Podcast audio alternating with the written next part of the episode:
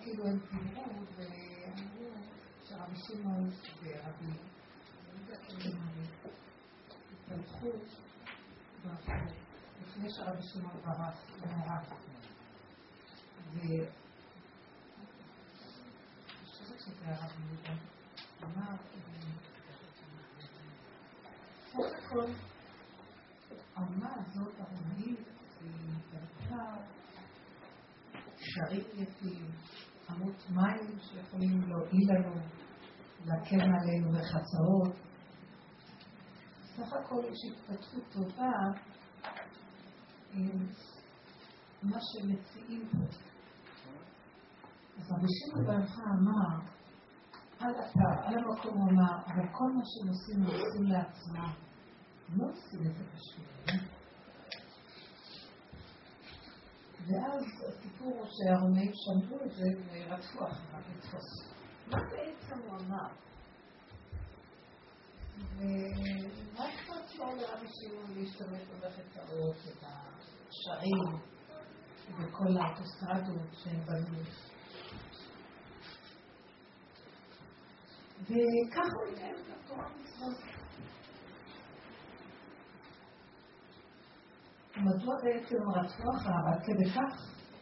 ואז מדוע הוא ברח למערה? עד כדי כך? וצריך להבין לעומק. אני, כשהם דיברו ביניהם שתקתי, ואחר כך אמרתי בכמה מילים, שצריך להבין שמה שרבי שמעון בר יוחאי אמר, הוא בעצם ככה. הקדוש ברוך הוא ברא את העולם. לכבודי ברטיב, יצרתיו, אף עשיתיו. העולם הזה, הקדוש ברוך הוא ברא אותו. מה זה העולם הזה? הבריאה. כדי שיהיה ניכר שהקדוש ברוך הוא ברא בריאה. וכולם יחזירו לו את מציאות הבריאה, וישפכו ויודו ויכירו. כל יושבי תבל, לך תקרא כל ברך תשבע כל לשון. הקדוש ברוך הוא יצר בריאה כדי שהנברא יכיר את מציאות הבורא. זה לא בגלל שיש כאן איזה אחד ושלום מגלומניה כזאת, תעריצו אותי. כשהנברא מכיר את הבורא, במילים אחרות, שמתגלה החיות האלוקית בתוך מציאות הנברא, כל נברא שהוא מהדומם, צומח, חי ומדבר. כשכל הבריאה וכל חלקיה מכירה בחיות האלוקית הזורמת דרכה, אז בזה מתגדל כבודו יתברך, ובשביל זה הוא ברא את זה. ואז הנברא עצמו הוא מבחינת בורא. הוא נהנה, שמח בעולמו של השם. הבורא והנברא נהיה אינטראקציה של שלמות. מה הייתה בעצם שיטת הרומאים? זה אכילת עץ הדת. היא יצרה מצב של נתק מכוונת היצירה. העולם נברא כדי שיהיה עיקר הברונה בבריאתו. והרומאים את הדבר הזה חתכו. הרומאים זה אכילת עץ הדת.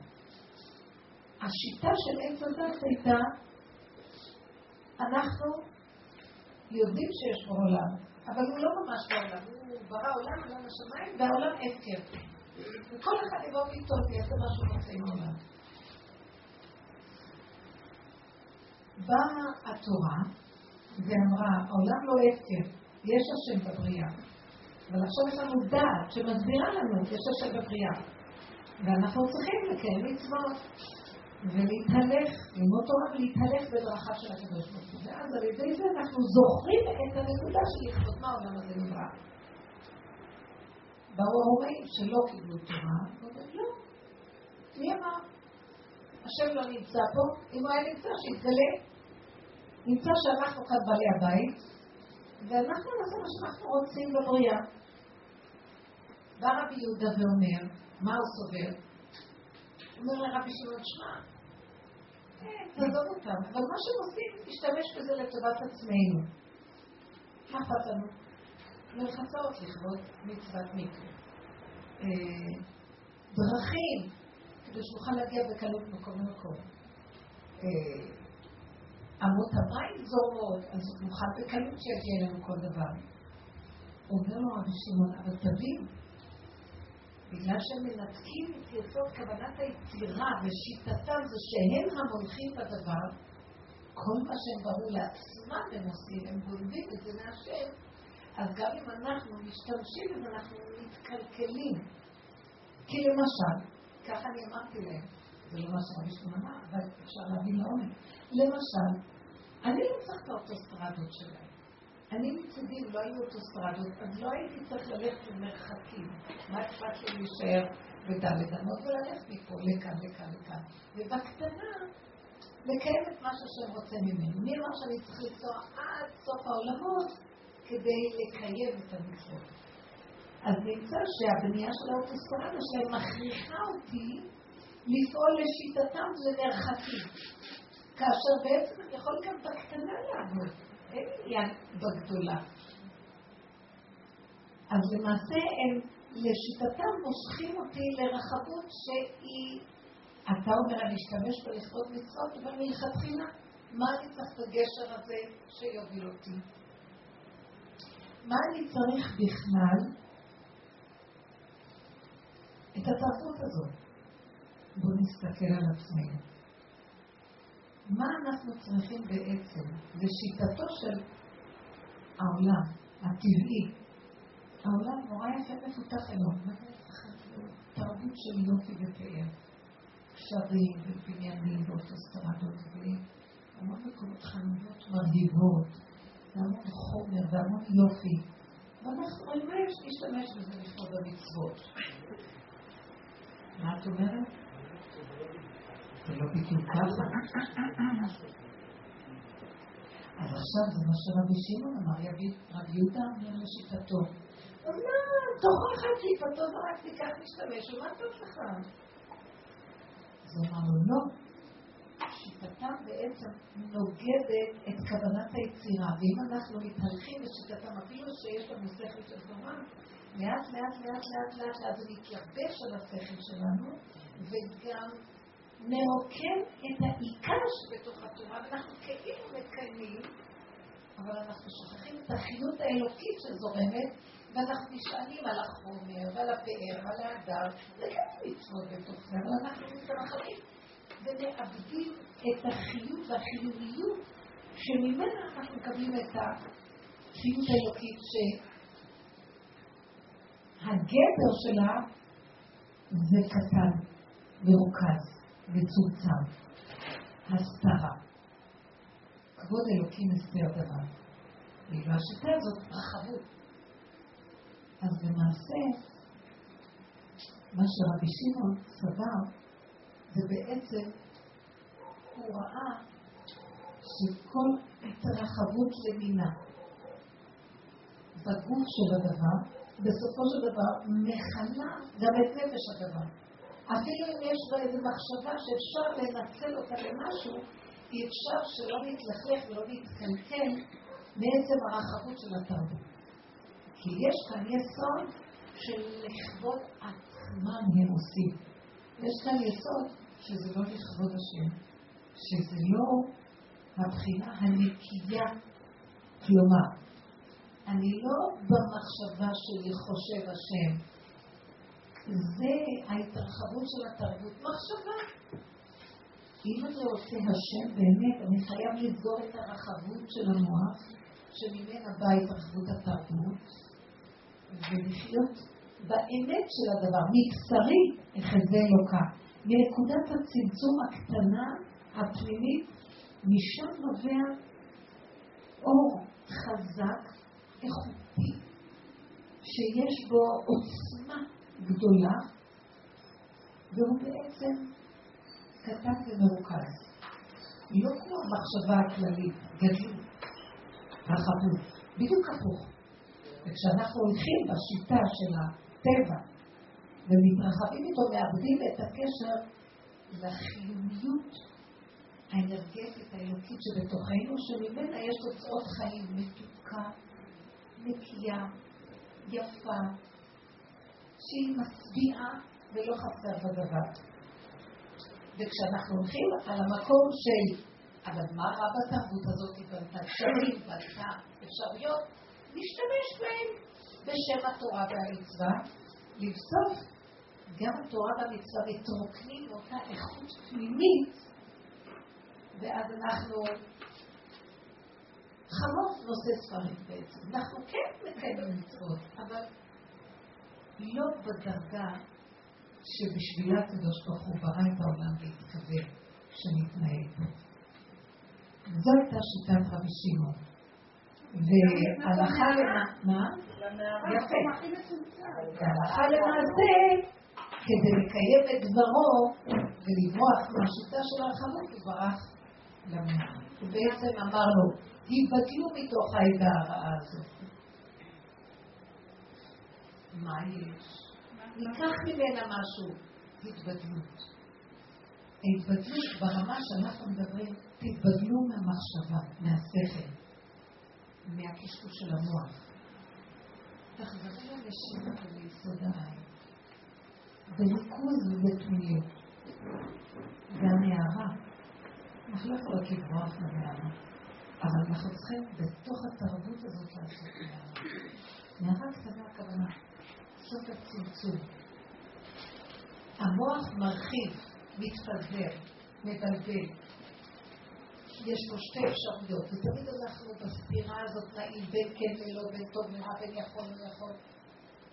וזה הרחבות. וכשתראו שאתם במצוקה הכי קטנה, תבינו שהתרחב המוח. אז תסגרו את המוח, תברחו למערה. בנשימה ובדיבור. פה פשטות וקטנות. התורה והמצוות צריכים ככה להגיע לרמה הזאת. אם היינו חיים ככה, היינו מקבלים מעולם התורה אור אלוקי, אור גנוז, אור גנוז שהמעט הוא האיכות, הריכוזיות, הפשטות, הנקיות, הייתה מדהימה אותנו. והיינו חיים ברמה איכותית, ולא היינו מאבדים כוחות, ולא היינו מאבדים את האנרגיות שלנו ברמה שאנחנו נראים. היינו תמיד תורה מצוות בדרגת אצילות, עולם האצילות. מה יש? אתם מבינים? אז למעשה נראה כאילו, מה כבר, מה כבר אמר שרון, אם רצו אחריו? הוא עורר, הוא בעצם פסל את כל שיטת העולם איך שהיא, ואמר, לא לזה הקדוש ברוך הוא התכוון.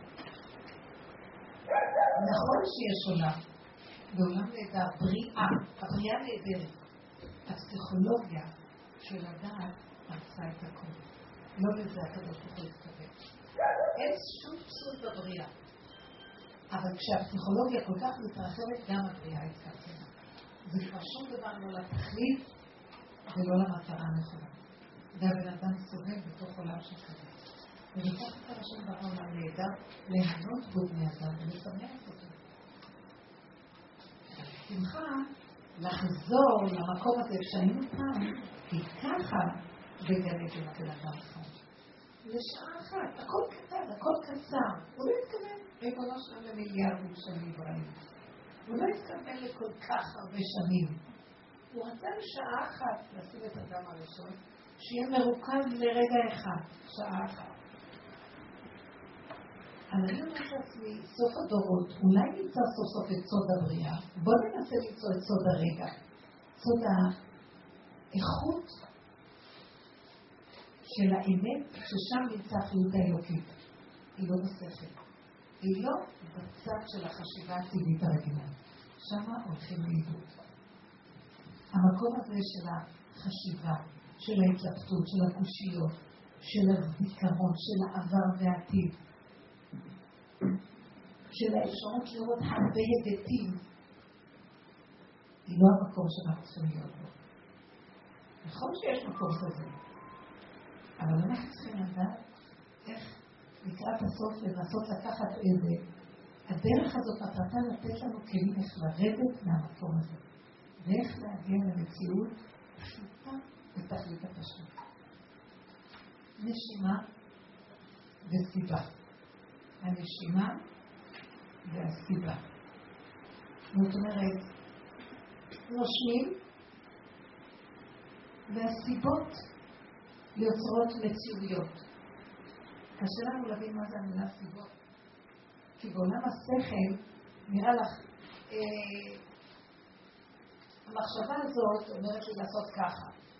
ואחד ועוד אחד שווה שתיים, אז אני צריכה ללכת לפה כדי לעשות ככה, נראה שאם אני אעשה ככה זה בדיוק יסתדר לי את מה שאני צריכה ככה, כי זו התוכנית והפתרון נמצא בזה. זה לא נקרא סיבות.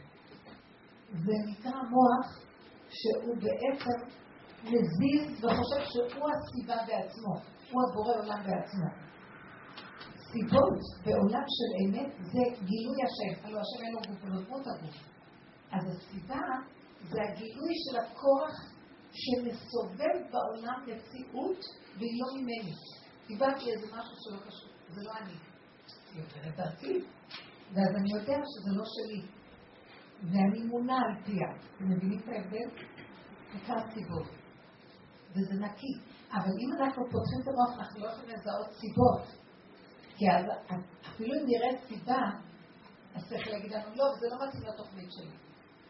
אנחנו לא ניכנע לסיבה, כי יש לנו קיום חזק במוח. לכן את הסיבות, שזה גילוי השם בפשטות שלו, אפשר להשיג רק כשהמוח עומדים עליו להיות סבור. הרבה לנעול את המוח. אז אם נועלים את המוח, מה יהיה? מישהי אמרה לי שיש לה מישהי, איזו אישה בירושלים, שיש לה בעיה, שהתגלה לה איזה מצב של חולי, והיא מבוהלת על זה שבעצמו. והיא לא יכולה להתרכז בכלום, מרוב בענה וסערה וחרדה.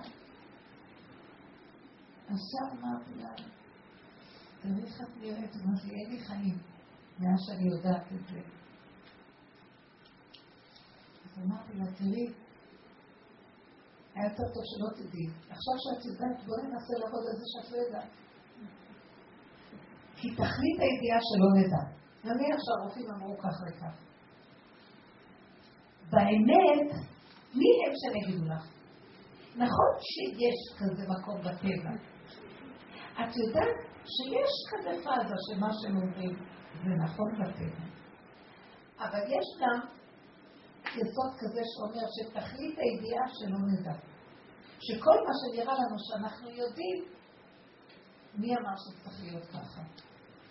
בוא נגיד, יש לנו את הספר שנקרא ספר החינוך. ספר יסוד מאוד חשוב בספרייה היהודית, שהוא בעצם נותן את טעמי התרי"ג מצוות.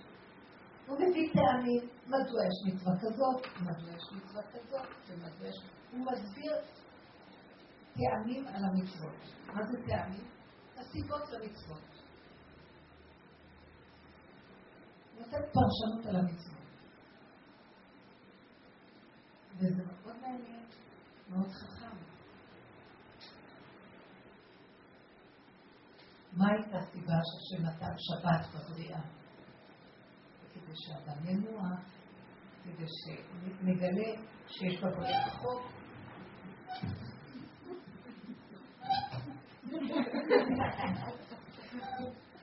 שנגלה שיש חוק בבריאה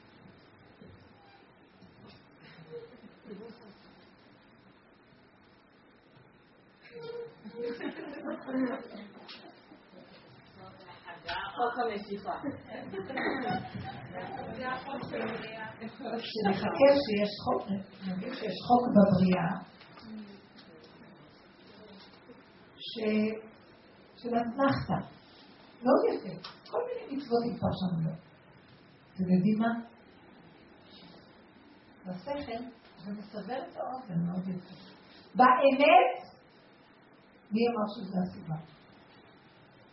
זו סברה. אולי כן, אולי. באמת, לא בשכל של הטבע. באמת הפשוטה, מה אני יכולה להגיד? אני לא יודעת מה הסיבה שיש שבת. זה לא בשביל המוח. כי ככה השם ציווה. לא יודעת למה. אתם יכולים להבין? נכון שזה נשמע פשוט, זה אמיתי. אני יודעת למה עלתה מלפניו לברוא את השבת. יש איזה אדם שיכול להיכנס למדרגה שידע למה השם ברא את העולם, ויש כאלה חכמים שנכנסו. נכנסו לפרדס. האריזה, כל ספר עץ חיים של התלמיד רבי חיים ויטל כותבת דברי האריזה. ויש להם איזה ספר שאחד התלמידים שלו כתב, זה נקרא ספר הפונה קדים, ספר הפונה קדים, פונה לכיוון קדם, קדימה. שרבי חיים ויטל לא רצה לדבר, שזה שכתב את הספר, ספר הפונה קדים, הוא אחד מהתלמידים של רבי, של האריזה בתקופתו. אבל רבי חיים ויטל לא רצה לכתוב את השיעורים האלה שהאריזה נתן. ואותו תלמיד כן כתב. כי לשיטתו הוא סבר שזה דברים שאנחנו לא יכולים באמת עד הסוף להבין אותם, ושלא יתבלבלו אנשים. כי מי יכול להגיע למקום שידע מדוע הקדוש ברוך הוא ברא את הבריאה? יש סברות, יש הבנות ודרגות מאוד גבוהות של רוח הקודש, ויש מדרגות של רוח הקודש. עדיין זה הבנה בדרגה גבוהה. עדיין זה חוכמה בדרגה גבוהה. אחרי החוכמה, לפני החוכמה, יש עין. אין. אין לי השגה. אין לי הבנה. אין לי ידיעה. אני לא בטוח שזה באמת ככה. אני מעלה סברה חכמה. אתם מבינות? זאת אומרת, עד פה. יותר אנחנו לא יכולים באמת להבין למה הקדוש ברוך הוא ברא את הבריאה. למה עלה מלפניו לברוא. יש מקום שהספר מותר לו לשער, אבל זה השערות, זה הבנות. אנחנו יכולים לדעת באמת, באמת, באמת, באמת, באמת, באמת, תכלית הידיעה שלא נדע. ככל שהחכמים מגיעים למדרגות הכי גבוהה, בסופו של דבר הם גם מבינים שכל זה אפשרות, אבל עדיין זה לא אקסיומה מוחלטת. כי אי אפשר להכיל את השם ולהבין אותו, נכון? אה, הבנתי מה הוא רוצה. והם לא סתם אמרו הבנתי, היו מדרגות הבנה מאוד גבוהות. אבל גם זה גבול במידה. נשאר מדרגה היותר גבוהה מהכל, אמונה פשוטה. מהי האמונה? תכלית הידיעה שלא נדע. אז אותה אישה, שכולה סוערת ויש לה ידיעה כזאת, אבל אני אומרת לה, תראי, אם תמשיכי עם המחשבה שלך, תשתקי. בואי ננסה לשכוח שאת יודעת. בואי נעבוד על זה שאת לא יודעת. מה אכפת לך? נניח שלא היית יודעת, היית חיה חיים רגילים. אמרתי לה שאני מכירה איזה אישה שהייתה אצל רב אושר, תלמידה שלו שהייתה בחצר, אישה רווקה הרבה שנים, מבוגרת, שלקראת סוף ימיה, חלתה במחלה. והייתה באה לרב אושר, ואמרה לו, אני זוכרת אותה, עליה שלום. חיה קלישר, עליה שלום. הייתה אומרת לו, רב אושר, הרופא אמר לי שיש לי את המחלה. הייתה תמימה. אז הוא הסתכל עליה ואמר לה, אין לך את המחלה. אז היא הולכת לרופא ואומרת, הצדיק אמר לי שאין לי את המחלה. אז הוא היה צוחק עליה, ורשמה תרופות. אז היא באה לרב אושר ואמרה לו, הוא נתן לי תרופות. אז הוא אמר לה, את יכולה לקחת את זה, אבל אין לך את המחלה. היא חיה ככה כמעט פרק זמן מאוד ארוך, אני לא זוכרת מה רוצה להגיד?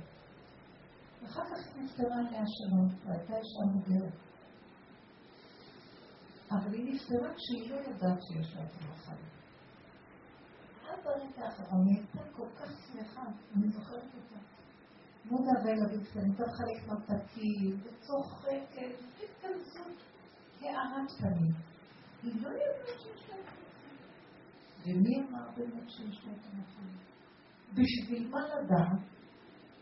כי בסופו של דבר זה לא תורם לך זה מלחיץ, מפחיד, מסעיר, 750 פעם לפני שהיא מתה, בשביל מה? אז היא הלכה באמונה שהצדיק אמר שאין לה.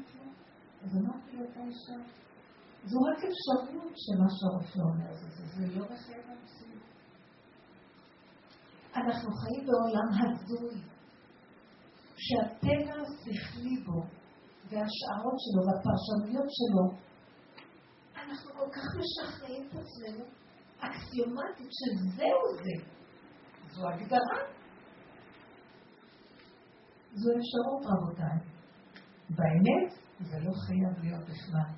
ואם היינו באמת הולכים עד הסוף ככה, יכול להיות שגם היה בה משהו ומסובב את הכל כאילו אחר לגמרי. כי כשאת לוקחת את כל האפשרויות היש ומכניסה אותם לעין, יכול להיות פינה חדשה.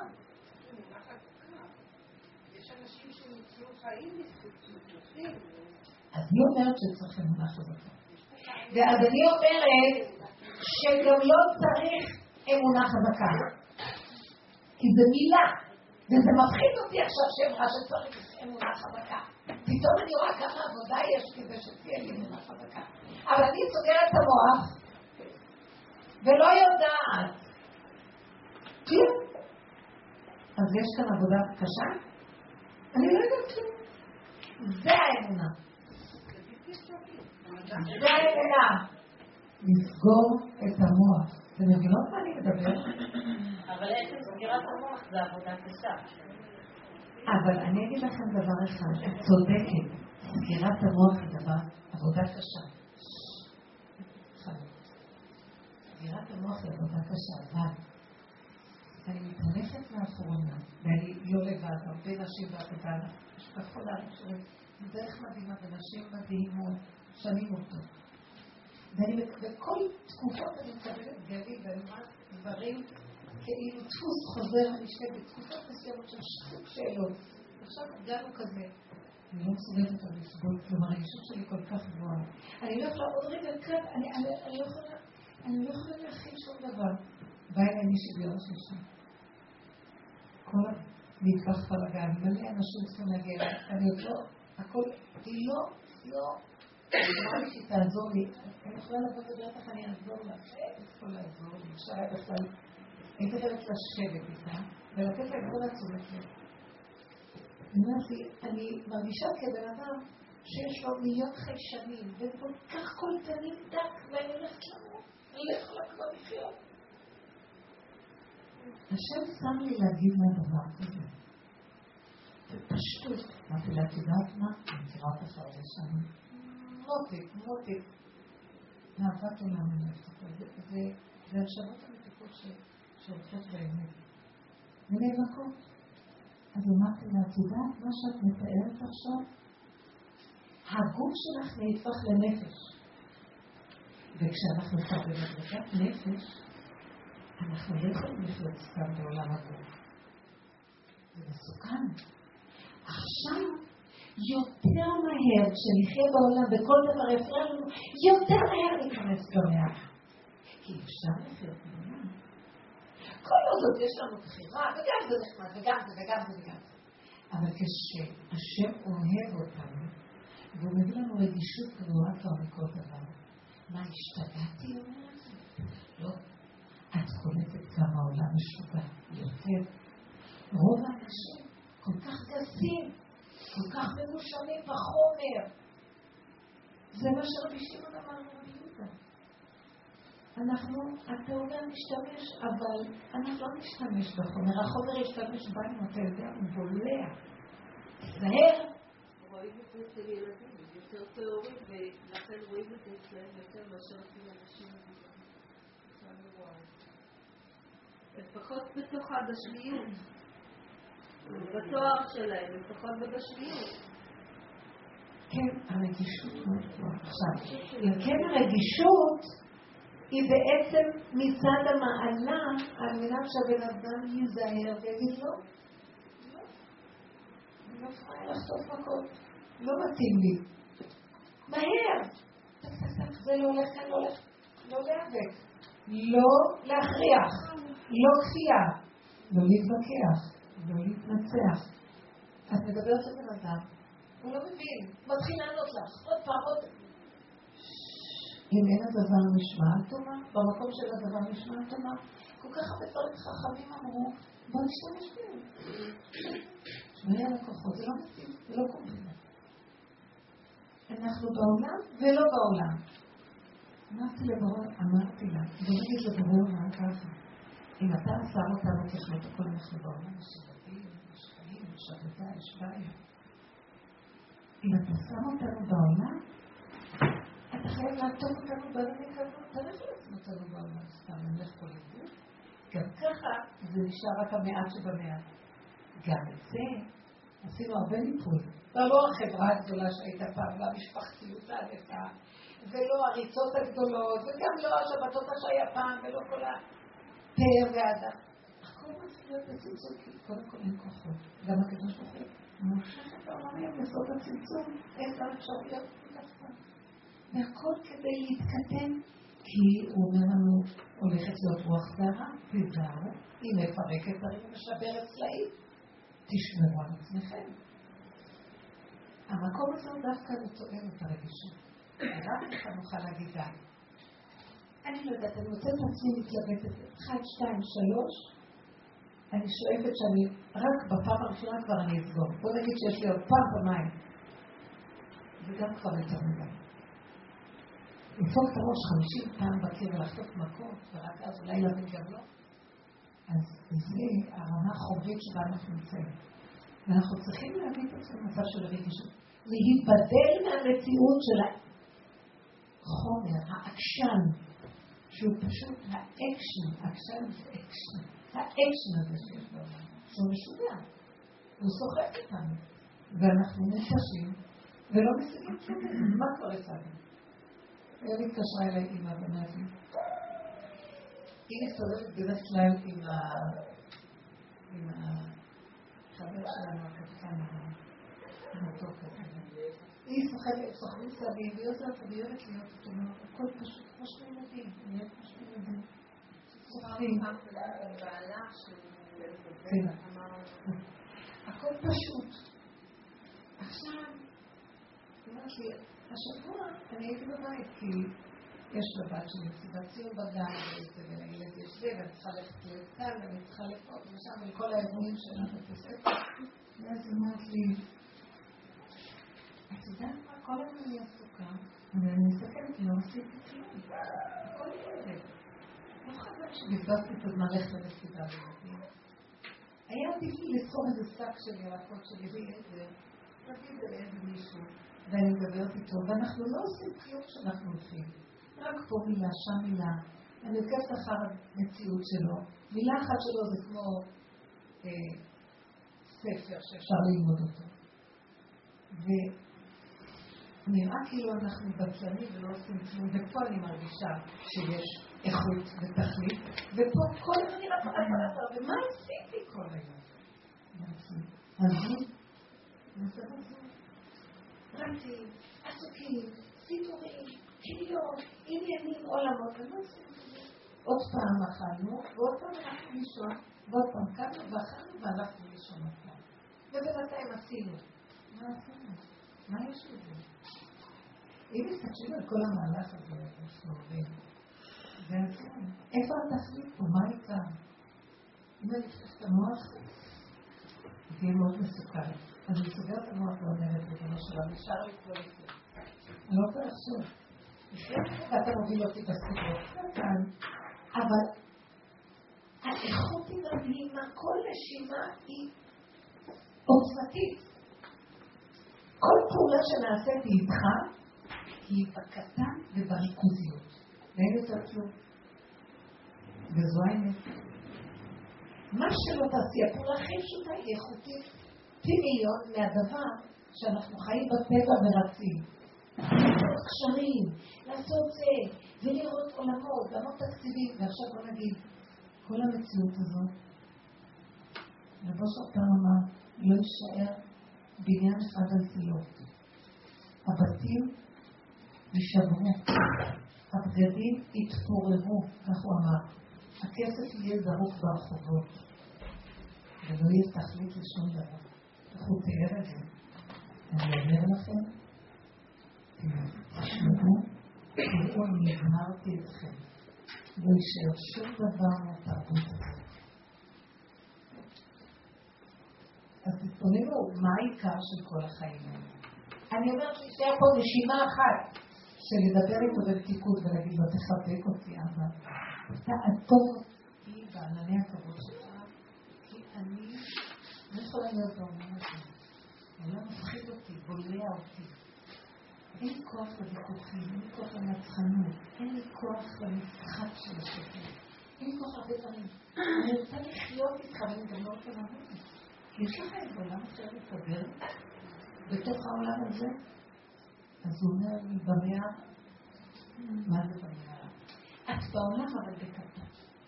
אני לו, גם בקטן הזה, אם אתה לא נותן לי יד, אני לא הולכת. אם אין פניך או לא תימנו, אל תעלה מזה. רק איתך כל הזמן. אז כל הזמן איתך. קטן. כי אם את רוצה להיות איתו ולחיות בנשימה, את לא יכולה ברגל. פה את הולכת לאיבוד. בפעולות, מוליך אותך לאיבוד. בריצות, כל היום אנחנו בהצלחה טובה, ולא יכולים לגוע בנקודה אז מה תכלית פה בעצם? למעשה באמת זו התכלית, לנשום ולחיות איתו, אין תכלית אחרת. לא צריך לדעת מה התכלית. יודעים מה התכלית, לחיות איתו בנשימה, וכל דבר שאת עושה להמליך אותו, זה אתה, זה אתה. וגם לא במילים זה אתה, את חיה אותו, וזה עושה. זה, בשביל זה נברא האדם. ממציאות גולמית שמכילה אותו, והתנועה שלך זה הוא מסתובב בעולם, לא את. הוא דרכך מסתובב בעולם. הוא דרכך פועל. אני מוצאת את עצמי בכל דבר. עכשיו יש איזה בן שאני צריכה לשבת, שילוחים. ואני בתפקיד שלי כאימא, זה כאילו מוטל עליי, ההורים, כן?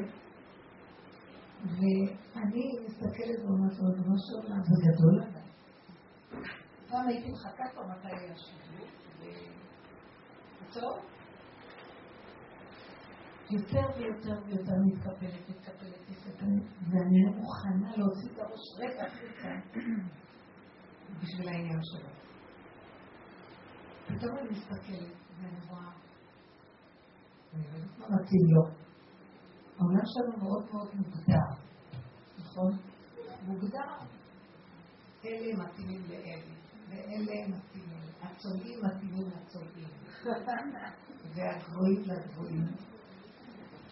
וכן הלאה, והשפיצים לשפיציות.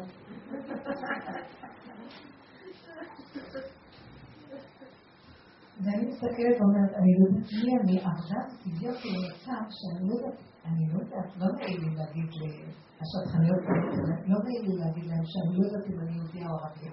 זה לא יפה לכם. אני לא יכולה להגיד להם.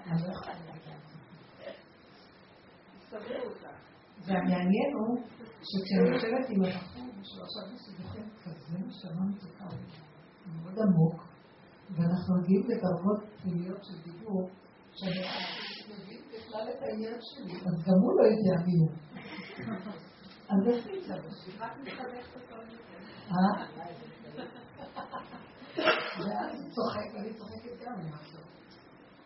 אז מה יהיה? אז הוא צוחק ואומר לי, אמא, בוא נשחק אותה כאילו. אמרתי לו, זה בעצם מה שנשאר, אבל אני לא, אני לא רוצה לשחק אותה כאילו ביוזמתיות. אם כבר יפנו אליי וישאלו אותם משהו, אז נשחק אותה כאילו. אני לא ארוץ בכאילו. לא.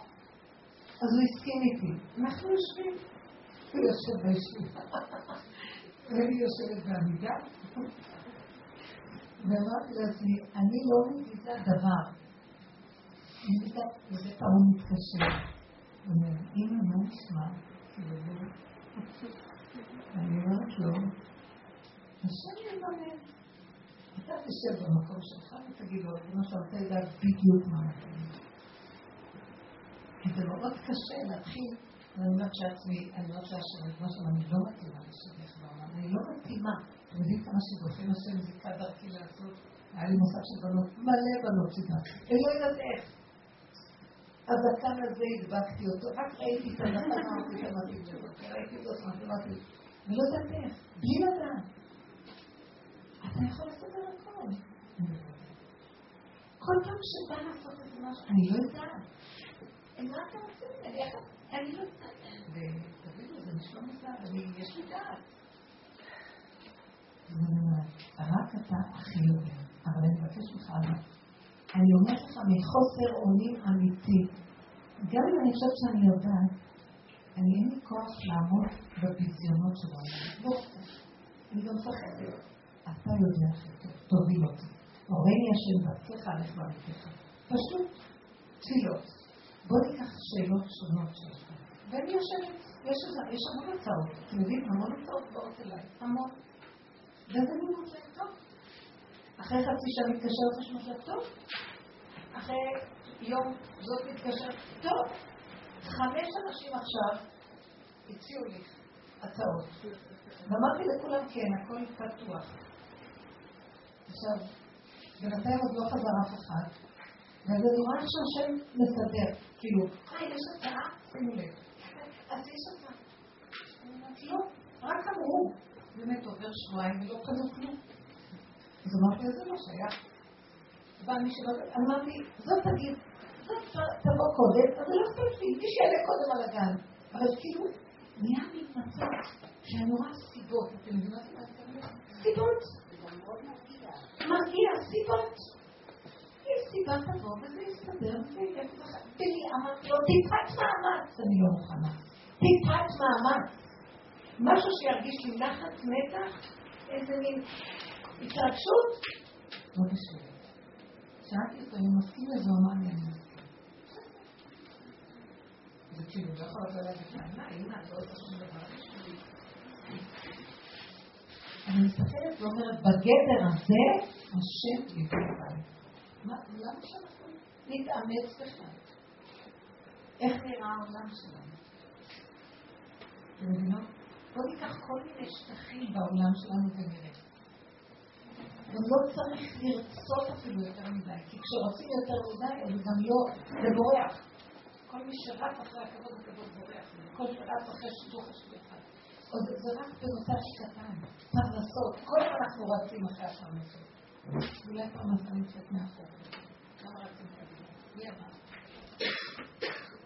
אז ההתבוננות מעלה בעצם שיש איזה עולם של אצילות, רגיעות, שקט ופשטות, שאם היינו רק פותחים את הפה, אני פותחת את הפה.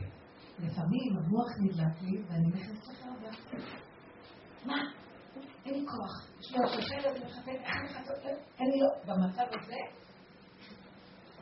ואז אני מבינה שהשם פתח לי את המוח לרגע כדי לעלות תפילה. אבל אני לא יכולה, רק אתה יכול, אתה כל יכול בבקשה לך, לעטוף אותי כלי לתיקון, כגרוע ללמוד, אתה תסדר הכל. ואני רואה דברים מעניינים, מאוד מעניינים. דברים זזים, בשקט את רואה יותר טוב. כשיושבים בשקט רואים סיבות. את רואה סיבה באה, ואת רואה שהיא באה, אבל היא לא בדיוק מתיישבת. זה כנראה לא, אבל היא עברה דרכנו. אתה רואה איזה סיבה. ואם הייתי סוערת מכל דבר, סתם הייתי מעלה רעש, מקשקשת במים, ולא היה כלום, אז בשביל מה?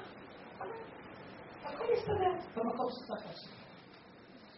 וכשאני הולכת ככה ואני מתעקשת איתו, אני רואה סיבות שבאות ומסתתרות בהם, בכל מיני שטחים. בואו ניקח דוגמאות מהחיים שלכם. למה רגשו גויים ויהודים יגורים? בשביל מה אנחנו כל כך מתרגשים, סוערים, מבוהלים?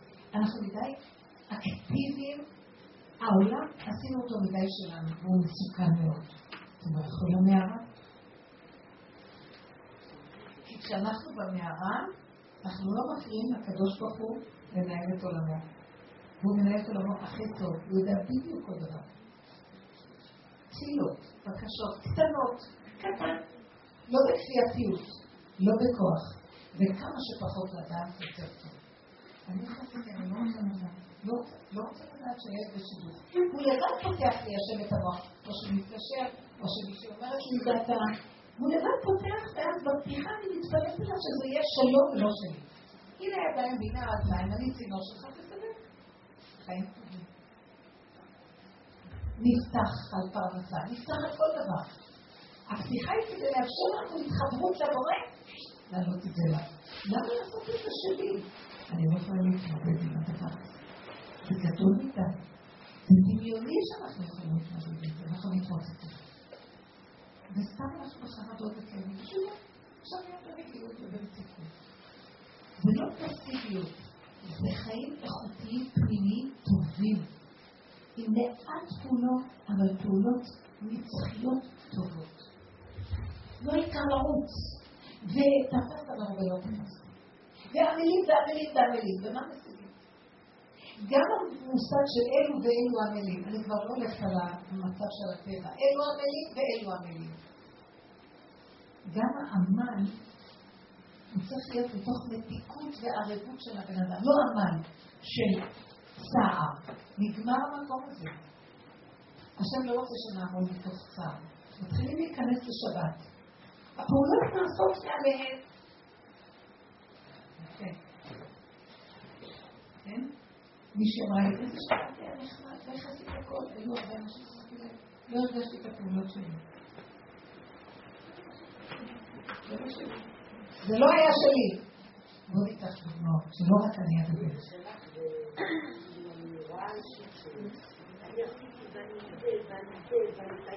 ואני זה שם. וממש זה לא חיים. אין הנאה בכלום. בגלל שיש הרבה לחץ ואני כי את עושה משהו הולך, דבר אחר לא יציב. עכשיו הדבר היפוכו מאוד חזק בבריאה, הבריאה היא מאוד נוראת מהר. לקראת הסוף תהליך האנרציה הוא יותר חזק. כשהילד עוברת למטה יותר, לקראת הסוף התעודה שלה יותר חזקה. היא מהר יותר מכוח האנרציה. אז הכל עכשיו, הדבר והיפוכו של עץ הדת עוד יותר מהיר. יום נראה לך שככה, לא רק יום, יום, רגע. וזה מלאה ומתיש. וכאילו נראה, הוא עושה לנו את זה במפורש ומכוון, כדי שנדע שחבל לנו פה להשקיע. אנחנו משקיעים מדי בעולם, הרומאי הזה. למה? לא חבל. אתם משקיעים בילדים יותר מדי. יש השקעה קטנה, נצחית, טובה, שיש לה פירות, שהיא נושאת פירות. כל ההשקעה שאנחנו בתרבות הזאת משקיעים, זה. אין מזה תועלת. רק כאב וצער ורוגז ומחרים. בזבוז לא נורא.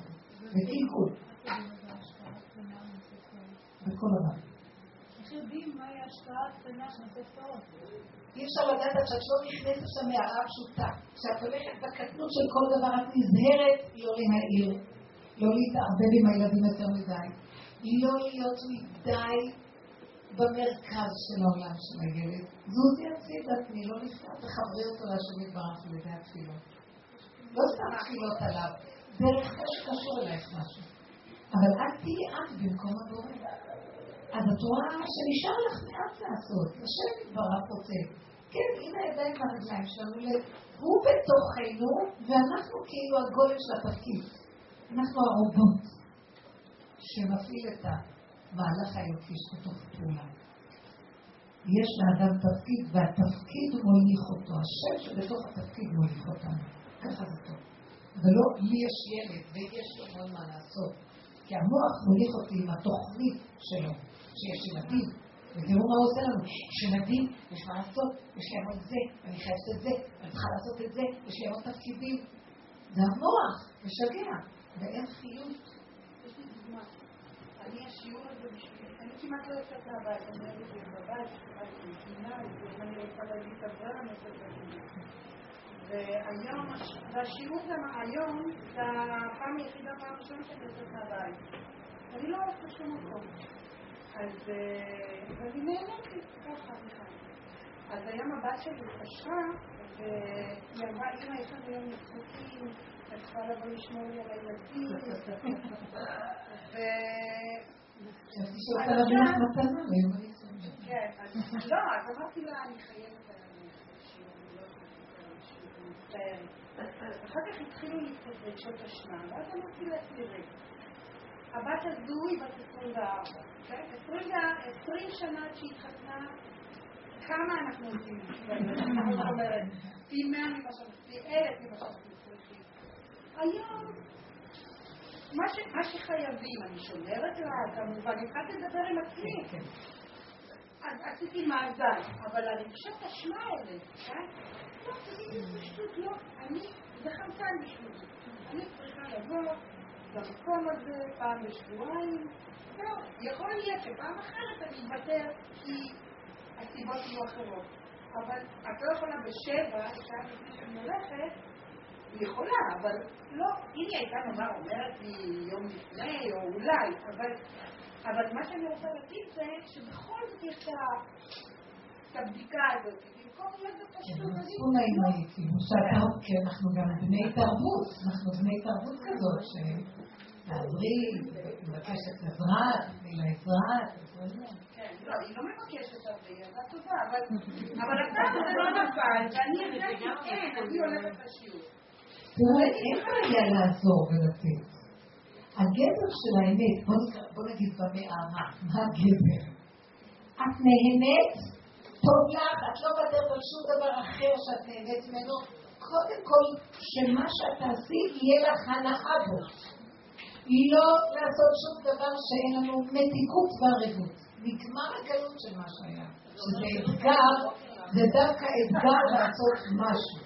זה אומר שלא קמים בבוקר בעבודה, איך? לא לא לקום בבוקר בעבודה ולא לקום שהתינוק בוכה כי הוא רעב. כאילו, לא נעים לי, אני אוהבת לישון. אני אוהבת לישון, באמת, אני מאוד מאוד אוהבת לישון. הכי הרבה אני אוהבת לישון במהלך היום גם. באמת, ברצינות, כאילו, אני מעדיפה להישאר ערה בלילה ולישון ביום. אבל המציאות קורית, כאילו. אבל המציאות קורית לי, אין- אין לי, אבל כשהיו לי תינוקות... איזה מציאות? את יצרת מציאות? אז יש לי כבר הילד, אתה לא יכול להעיף טוב. מה את רוצה שאני אעשה? אני מדברת על מצב מתוקן, המציאות שלנו חולה. יצרנו מציאות חולה. והמציאות החולה הזאת היא כזאת, שהילד שאת קמה לו בלילה, הוא מבקש אותך בלילה בגלל שאין לו, אין לו אותך ביום. מנצל גם את הלילה. למעשה ילדים מגיל 40 יום, לא צריכים לקום אותו. ולא נכון שילדים. הם קולטים, אה? מה? כן, למה שלא בלילה? למה כדאי שלך? המקום הזה של החוסר רגיעות של החיים שלנו יוצר את המציאות הזאת. אז הוא גם לוקח ממך, הוא שודד ממך את המתיקות של ההנאה שלך. ואז לך- בעצבנות, אין לך כוח לתת לו תשומת לב בלילה. למעשה, אם היינו חיים ברגיעות, זה מהפך מה שאני מדברת, מהפך בנפש. אם היינו חיים ברגיעות בנפש, מעט מאוד פעולות, וקצת שמתאים שקשור אליי, קודם כל, לא היינו מתאמצים כל כך. היינו נהנים ממה שאנחנו עושים, וכשאת חיה בנהנתנות מהפעולות שלך, גם הילדים סביבך פחות עצבניים, ופחות תותעניים, ופחות מוצאים את המיץ. תבינו שהכל קשור בהכל. נכון, זה אידיאלי. כאילו, אני מאוד רוצה, אני לא לא חושבת שזה כאילו שאת אומרת. אז בואי אני מציעה כזה דבר. פשוט כאילו לא... אני מציעה, אני אגיד לך משהו. הבן אדם יוצר את המציאויות שלו. ואנחנו באנו לעולם, והעולם הוא יקר ערך, החיים הם יקרים, יקרי ערך, בשביל התכלית, להמליך עלינו את השם. ואחרי שממליכים את השם, אז לא חשוב כמה שנים תחי פה, כי את חיה לנצח. ברגע שאנחנו חיים השם, 200 שנה ושנה אחת. האדם לא מת אף פעם כשהוא נוגע כבר בנקודת הנצח. תבינו את הדבר הזה. אז החיים כבר נראים אחרת, אין לחץ, כי הגענו לתכלית. אבל אנחנו לא מנצלים את החיים, ולחפש את התכלית ולהגיע אליה.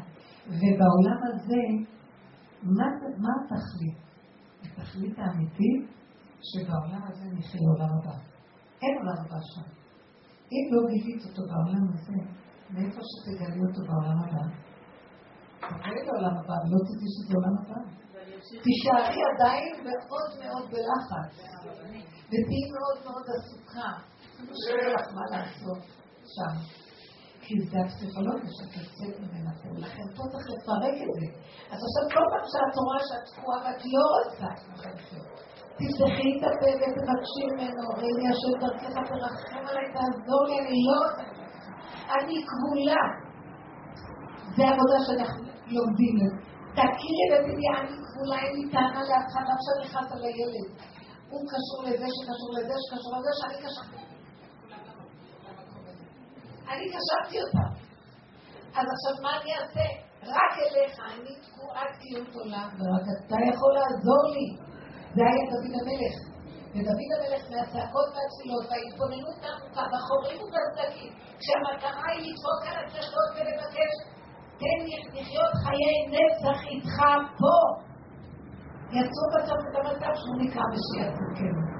כי הוא כל כך התעקש, שבעולם הזה הוא יגלה את השם, ושהוא יראה שאין מקום שהוא פנוי ממנו. אבל את אי אפשר לגלות בגדלות המשוגעת עכשיו בחיים. זה רק בצמצום ובדבקות של התפילה ובדבקות המטרה. אם את תתעקשי כל פעם שתראי את התסכולים שלך, לקשר אותך לבורא עולם. קשרי את עצמך עם התסכול עולם ולצעוק. זה כמו, הצעקה של מצרים, כל פעם מחדש, השם ישמע לי, יקשיב, ויהיה לך ישועות. ואני רואה שינויים בדבר הזה מאוד. אני רואה שינויים. כל מה שאומרת לו, אני רוצה את האמת, הוא מחכה שתגידי לו את האמת, והוא קרוב אלייך, והדברים משתנים בצורה מדהימה. יש מי שמקשיב, יש מי שקרוב אלינו שומע. מספיק שתגידי, אני לא יכולה לעמוד בזה, תחזיק אותי, את רואה? וגאות. אני לא יכולה לסבול את הפתח הזה. תגידי לו, תגידו לו. הבעיה שכל פעם שאני בסיטואציה, הלחיצה, ילד שעצבן, לא יודעת, כאילו, כל החיים, אז אני אף פעם לא חושבת על זה. כאילו, אני לא במקום שאני... זה מה שאמר רבי שמעון. לא יכולים להשיג את השם ברחבות הרומאים. צריך לברוח למערה. לברוח למערה הכוונה, תכנסי לצמצום יותר גדול. תתחילי לעשות, אולי, תכתבי. כמה מהתמונות שלך שקשורות בילדים, את יכולה לוותר עליהן. לא הכל זה ייהרג ובל יעבור. יש דברים שמיותרים. תתחילי גם למצוא זמן לעצמך קצת, פחות פעולות. תנסי לצמצום, תנסי לשבת קצת. מה אנחנו עבדים פה? מה באנו כאן? אם לא את עצמנו, אחד לא יגע אותנו. ואם אנחנו בעלות את עצמנו, כל בני הבית מגנים איתנו, אנחנו השורש של הגאולה. בזכות השם צדקניות נגלו בעתידים נגלים. צריך להתעורר. לא להסכים. לפרעה הרשע הזה שאומר, תכבד העבודה על האנשים ואל ישבו בדברי שקר, עוד יותר שהוא עבדים. מוסיף להם עוד יום עבודה. לא. להתעקש לצעוק להשם אבא, אני שבויה ורק אתה יכול לעזור לי, אני לא רוצה לחיות את החיים שלי ככה. אני לא רוצה לקום לילדים בעצבנות, אני רוצה לחיות מהם, אני רוצה ליהנות מהחיים שלי. אני לא רוצה להיות מתוסכלת, אני לא רוצה לחיות בחרדות. אני רוצה, אתה בראת את האדם שיהנה אותנו, תהנה אותנו מעולמך, תהנה אותנו אבא. נכנסנו לפלונטר משוגע. כשטבוע באדם מסוים מידות שהן נניח של כת מדבר קטן, או של עצבנות מדבר קטן, אז זה המקום לעשות את מה שהרבנית אומרת, אבל בסך הכל האדם נשאר עם הטבע שלו. הוא נשאר עם הטבע שלו, אבל אתם יודעים מה? הוא נשאר עם הטבע, אבל ככל שהוא נכנס פנימה, גם הטבע נכנס פנימה. הוא נהיה בגדר בננו, משהו זה קטן, טכנולוגיה, ננו טכנולוגיה. קטן, קטן, קטן, יש שם אבל גם הכעס של השם. והכעס הזה, האנרגיה של הכעס מתהפכת לאש אחרת, בייחוד אצל אנשים. היא הופכת להיות לאש, שזה התכלית של כל העבודה. יש אהבה. באש אני הצטתי את בית המקדש, והחרבתי, ובאש אני עתיד לבנותה. והבנייה, חבל על האנרגיות המפוזרות. תראו איך אנחנו חיים, אנחנו עליית החיים בכלל. אין כוח לכלום, עייפים תמידים. לא צריך להיות ככה. אבל יש איזה סוג של התנצחות במקום הזה. מה? יש איזה סוג של התנצחות שאני, הוא... לא רגילה אליו, למשל, דוגמה, הבן שלי לא לא חזר לישיבה. זה לא כזה מפריע לי פתאום. אני לא מדברת, את לא מדברת בכל פעם. זה לא אני מפריע לך? אני אומרת, יש איזה סוג של התנתקות. למשל, היום הבן שלי נשאר בבית. ואני בשלי, בטוב שלי, במתיקות שלי. זה לא כזה מפריע לי כבר. אז אז השאלה אם זה מקום נכון להיות כל כך בעצמי. תראי, משהו מתוך המציאות שאת רואה את הילד ככה, לא נוגע לך בכלל? לא, נוגע לי, אבל אה, זה לא... על משהו שנוגע, פעם זה היה טירוף, עכשיו נוגע, אותו רגע של נגיעה זה רגע התפילה, אבל אני לא יכולה להכיל אותו עליי, כבר אין כוח. יותר ויותר אנחנו מגיעים למקום, פעם היינו במקום השם לגמרי, אחר כך אמרנו אנחנו רק הסגן שלו, אחר כך אמרנו אנחנו רק השליט שלו, אחר כך אמרנו לא, אנחנו פקיד זוטה.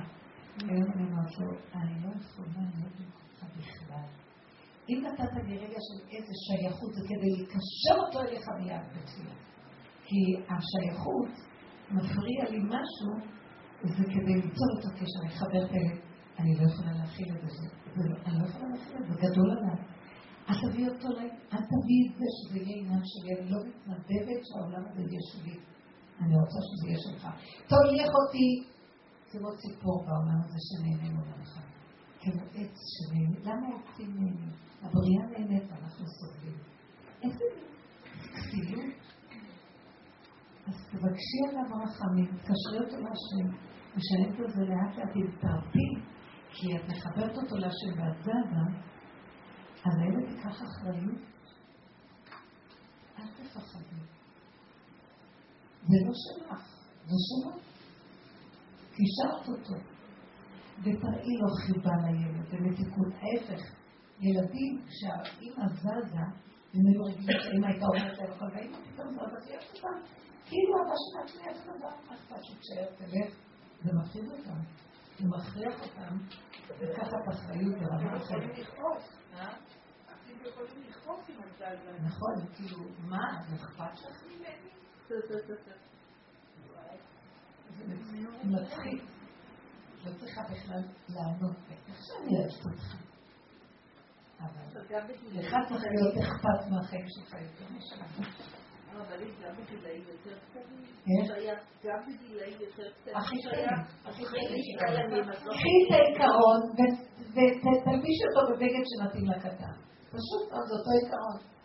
יש לי אחד, אבל אני מגרד אותו עם שפכטל כל הזמן.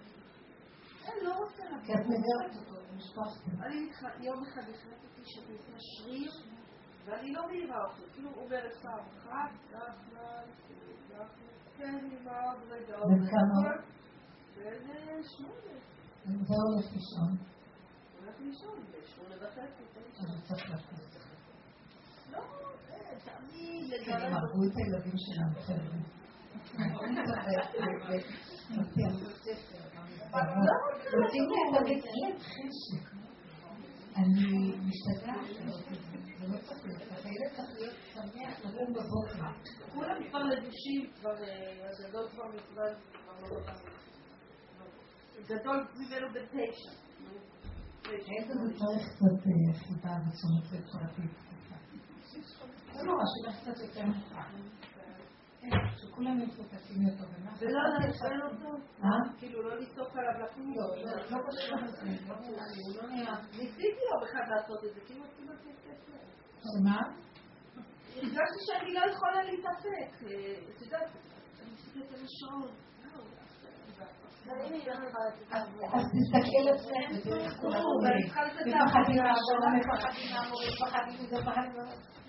אני לא רוצה שאף אחד ישלוט בחיים שלי, רבותיי. ככה תגידו לעצמך. שום מורה לא ישלוט בחיים שלי. שום ילד לא יכניס את החיים שלי למציאות של מתח ולחץ. אף אחד לא שווה את זה, וזה לא נכון גם לילד. זה חסר וזה לא נהנה, אין חוכמה בדבר. מה עם אמא שצריכה לצאת מהבית?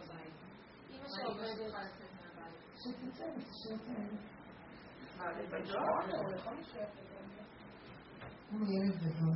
אבל שלא יזרקו אותו אם הוא מהחיים. ילד קטן. לא? לא.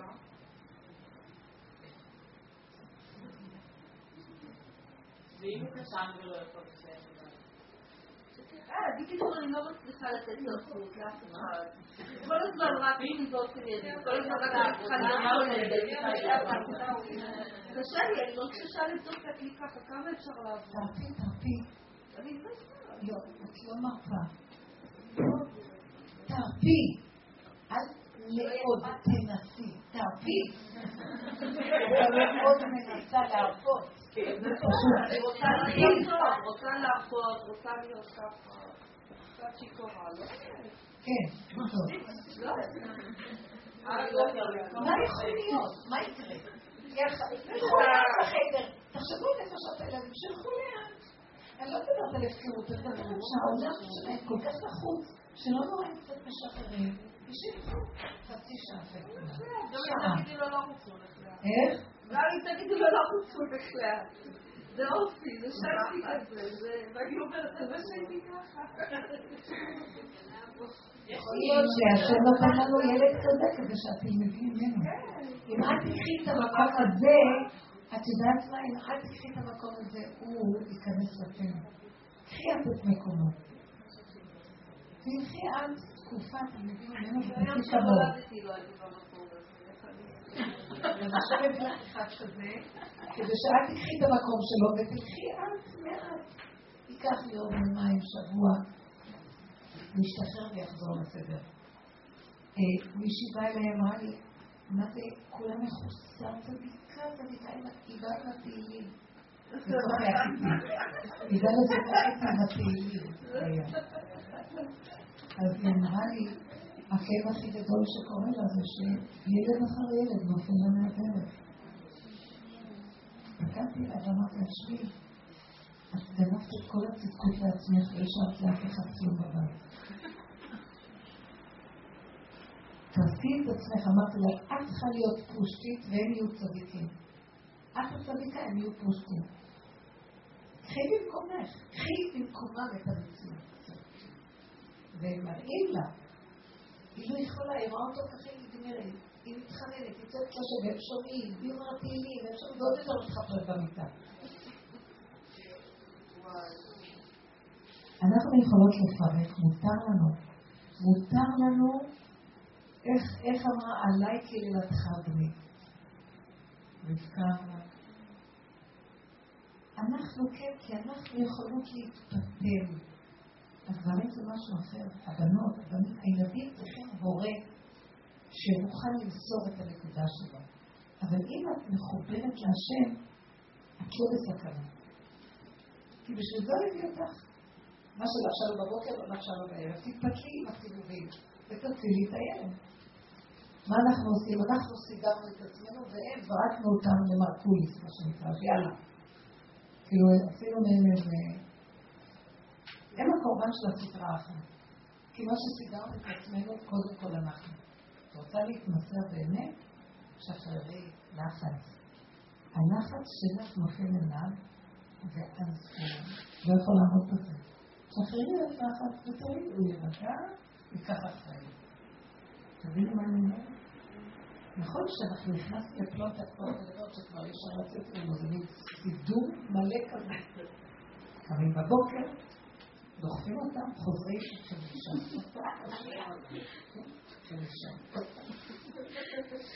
בלחץ. ודאי.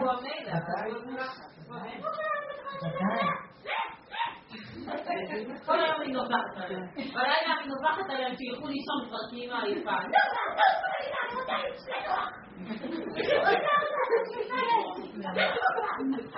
כל היום צועקת לה נובחת, ובצהריים אני מפולקת. איך? אני לא יודעת. אני באה אליו, תלמדי אותי לשרוד. איך אני מרחבת עליהם? גם אני מרחבת עליי. מה זה צריך להיות ככה?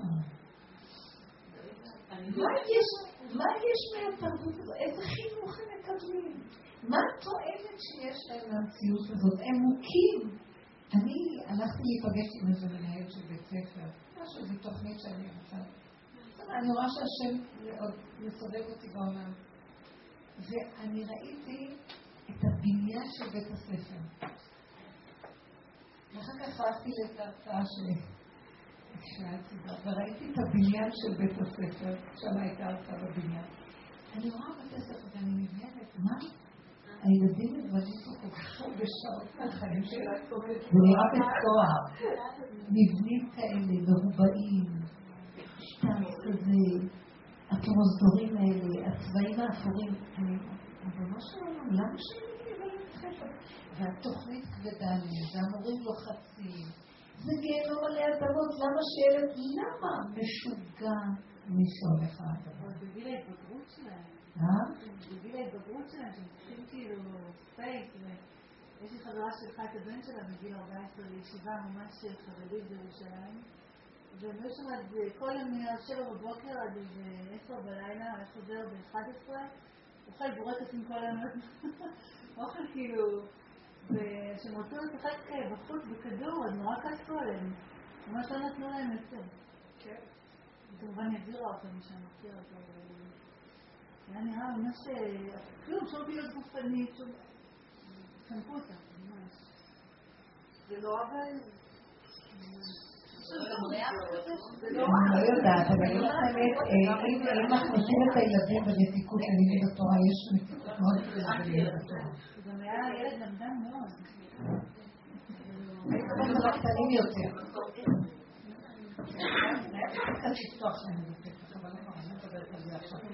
אני רק אומרת. אבל אל תהפכו את הכל לשחור. כן, אבל עכשיו יש כבר מסגרות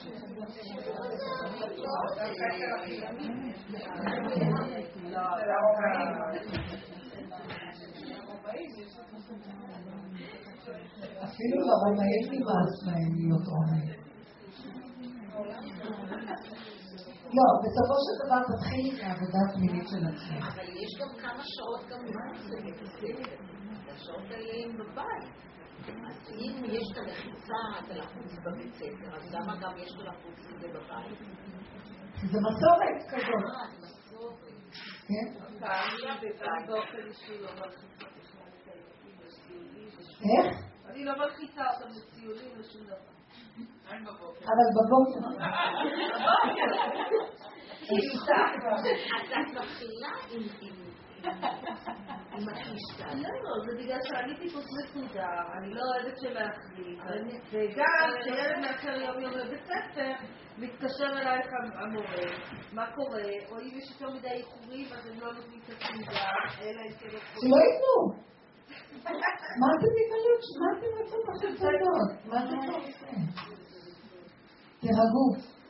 תלכו לצד הקיצוני, תראו שהכל יסתדר. תראי, אבל כשאת נמצאת בתוך הסיטואציה הזאת, אז את מושלת. אין, אי אפשר, זה חושש. זה לא ככה, כשאת היית אימא לילדים קטנים, את רוצה להגיד לי שלא היה חשוב לך שיבואו ציונים, שהרבה יגיד האח, איזה מותק, זה שווה. אני אגיד לך מה שאני ראיתי. השם ריחם עליי, ובאמת, וככה היה. הייתי עסוקה כל הזמן בדברים אחרים. הייתי עסוקה בלכות רבים, ולעשות מצוות, דברים כאלה. הבית היה בית ועד לחכמים, והיה, תעבדו, תעקפו את החיים. אל תעבדו ככה. והילדים איכשהו צמחו. מה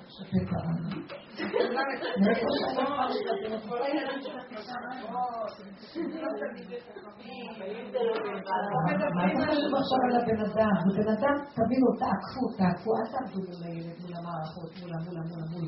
לא, תעקפו בחוכמה. תרפו, תשחררו, לא מבין, לא יודע, לא יודע, לא מבין את התעודה, תגידו, לא נורא מוזיקה, אני אכתוב לך תעודה, אני וזאת לתעודה, הרב החשוב, הרב, איך קוראים לו, וזה, ותעשי לו מסגרת, תתחילו לצחוק על החיים. זה לא, אולי זה לא חינוכי, אבל אני רוצה לרצות? את הרומאים.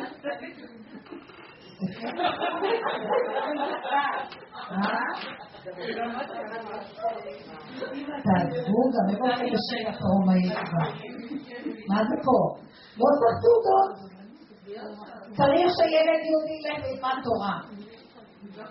מה ההספק שלו? מה הכוח שלו? כל אחד שיהיה כיף ללמוד תורה, שיהיה תענוג. כי כל אחד כפי כליו, כפי יכולתו ולפי כוחו. זהו. למה? לא נכון, היום הישיבות או תלמודי התורה הפכו להיות כמו בתי ספר, אותה שיטה. פעם לא היו משנים ילדים בגיל כזה, בגיל כזה, בכיתות. אז היום זה השתנה. נכון שזה המצב, אז מה נעשה? נשתגע? את יודעת מה? אל תריב עם המערכות. תשתדלי לא לתת למערכות לשגע. ואל תפחדי. אם תהיינה אמיצות, תראו שלא יקרה דבר. תלכו עם השם. לא דיברתי הפקרות, הפקרות להשם. אבל אני לא יכולה, לא אני רוצה ליהנות מעולתך. אני רוצה ללמד את הילד איך להיות שמח ואיך ליהנות מהחיים. ואיך להודות לך על כל דבר. מה?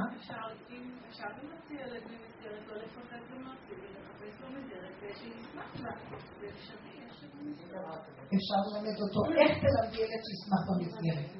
כשאת בעצמך מקרינה שמחה בפשטות של החיים, מה את רוצה שהוא ילמד? ללמד אותו איך להיות שמח. לא, לא, לעבוד במסגרת.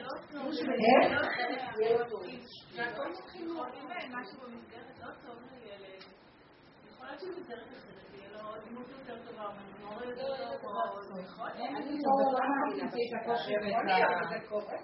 לא. אני בכל מקום תמיד יש את המציאות של הניסיון. טוב, זה פתרונות. את צודקת בפתרון. אני לא מדברת על פתרונות. בוא נדבר על הטיפול השורשי של הבא. אני השורש.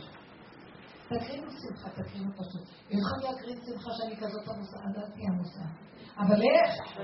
שחררי. לא צריך לעשות את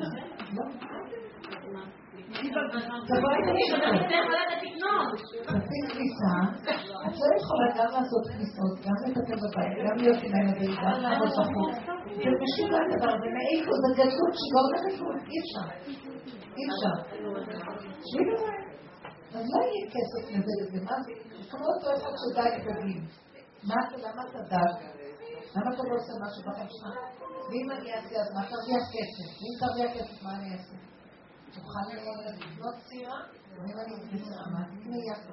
אז אני יושב, אני יושב, תדעו דגים, אז אני אעשה את מה? לא, תלכו ברכות עם החיים, תהיו קצת אמיצות, לא לפחד מהמערכות. אל תדאגו, תנו לילד תמיכה, שהילד מקבל מההורה תמיכה מהאימא, ויועץ אותו, ושמח להם, והיא נהנית ממנו, זה הופך חוויה מהנה, הילד. כיף להיות בבית, נחמד. אז אחר כך הוא, הוא נכנס לבית ספר בכוח אחר. גם משהו אצל המורה נרגע. נכון, אני רציתי להגיד לך שיש לי, אני מלמדת, ויש לי אימא אחת, כאילו ילד שכל הזמן מגיע, אנחנו מתחילים בשמונה, והוא כל הזמן מגיע בשמונה וחצי, תשע, ככה. והיא בתחילת השנה אמרה לי, תקשיבי, אני מעדיפה להוציא אותו מהבית רגוע, מאוחר, ולהביא לך אותו רגוע ושלב. מאשר כאילו שיבוא לכם בשמונה ויהיה פרסס. אז אני קיבלתי את זה, אמרתי בסדר.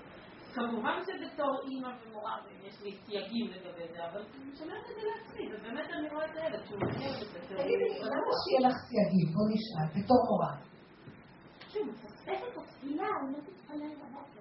מה אכפת לך? זהו, אז בדיוק, לא אכפת לנו. תגידי, את אחראית על החיים שלו? אז זה בדיוק. אם הפסדת, הפסדת לך. אם חכמת, חכמת לך. מה את רוצה? מה אנחנו רוצים? העיקר הילד בא נעים לך ונעים לו. למה את הופכת? הוא לא הרס לך את הכיתה.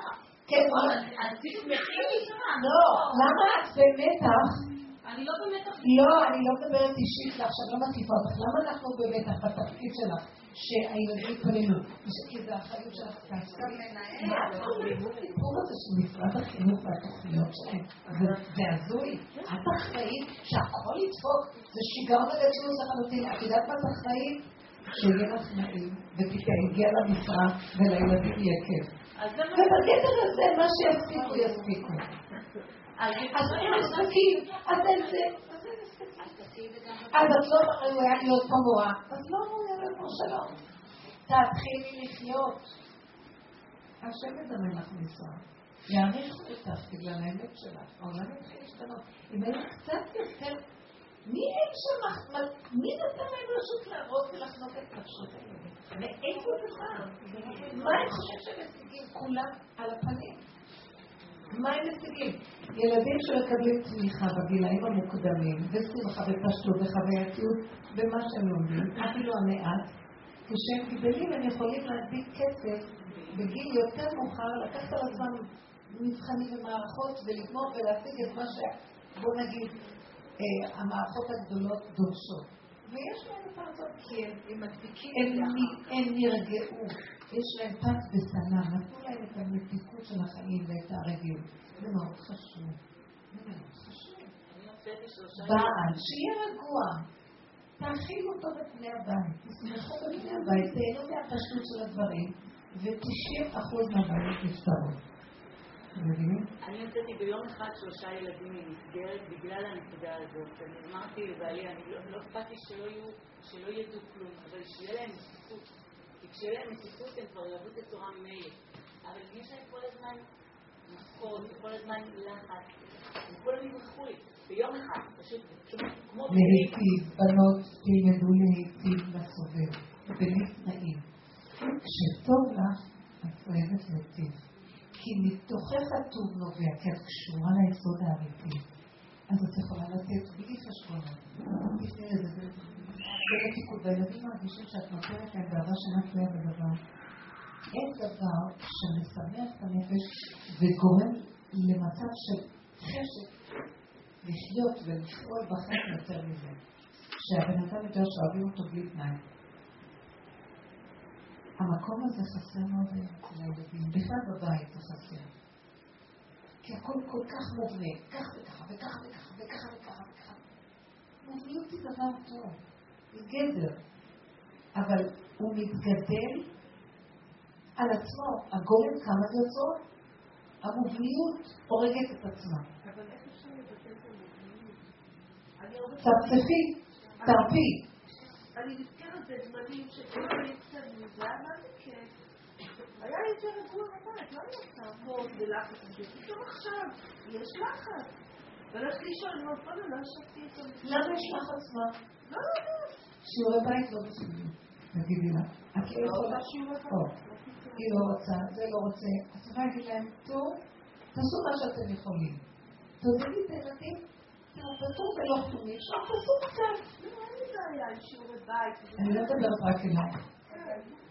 אז המציאות היא, נו, מה שקצת, תנועתיות יתר בבית, הרבה תנועה, הרבה תנועה. חוסר שקט, חוסר שקט. את לא שקטה. כולנו. בוא נגיע. ומאיפה בא חוסר שקט? כי אין לך כוח לעשות כל כך הרבה פעולות, והמוח מחזיק לך 50 פעולות לשנייה. אין לך כוח. את מבינה שהוא משגע אותך? בסוף הלחץ אצל הילדים. שקר וכזב. אין בן שיכול לעשות כל כך הרבה פעולות. אתם יודעים, כשאדם שמח עם עצמו, עם נפשו, הוא כל כך שמח ומחובר, הוא לא מרגיש את פעולותיו, הוא יכול לעשות המון פעולות בזמן קצר, אבל זה מקום אחר, אני רוצה שנגיע לזה. אבל הרגעים האלה בועטים, אין לי אותם כל רגע. אבל אם את אני מרגישה את זה, מרגישה שאני שמחה, ופתאום הכל מתנהל. אז בוא נעבוד על המקום הזה. להרפות מהנחת הזה של הרבה מטלות. תשתדלו לא לעשות הרבה דברים. אז לא יהיה מושלם, ולא יהיה זה. יהיה לי מה, מה, מה, מה, מה, לא צריך לענות. בסדר, לא נורא. לא להתווכח. כנסו לדן אדמות, כנסו לתוך המערה, תשתקו אתכם, תהיו רגועות. זה משנה. מה יש? גם כשהילדים רבים מכות? גם ש? שיש מכות, ילדים. שיש מכות. אתם רואים, זה גלגל רודף גלגל. כשיש מכות עם ילדים, ואמרת להם ולא עוזר כלום, צאי מהבית. לא, ביניהם אני אומרת. ביניהם, צאי מהבית. צאי מהבית. תנתקי את הנפש. זה יירגע. כי הנפש הסוד שלך והדלת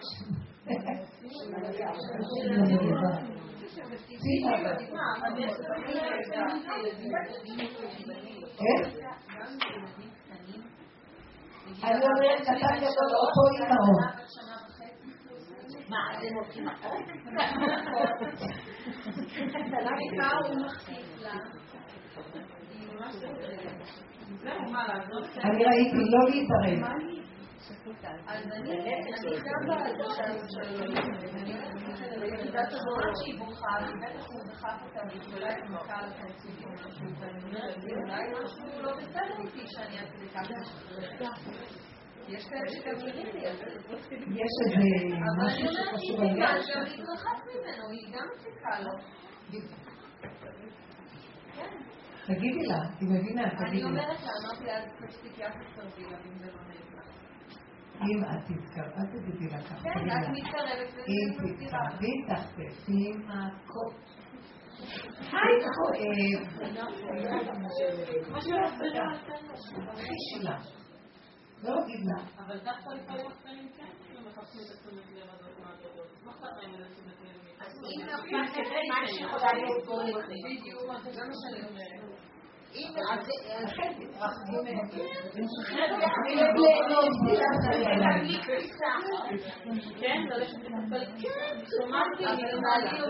מה פתאום, אל תקבלו כביסות, הם היו לארגזים ולכל ילד יהיה ארגז.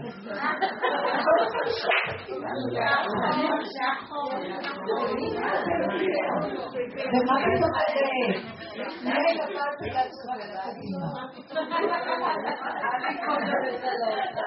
זה?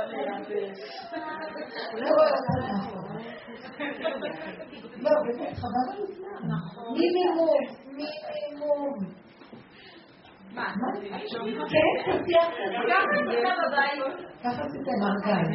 כל אחד היה ארגז, והם מינו את התפיסות, כל אחד, תקשיבו, כל אחד היה, שעה כזאת, שמעתי להם. כל אחד, יש לו ארגז, חישבתי להם את הארגזים, ואמרתי לו, כל אחד מהערימות של תפיסות על המיטה, כל אחד ישלוף את מה שהוא זוכר שזה שלו, וזה היה משחק מאוד יפה. מי שימלא ארגז יותר כדי לקבל את זה.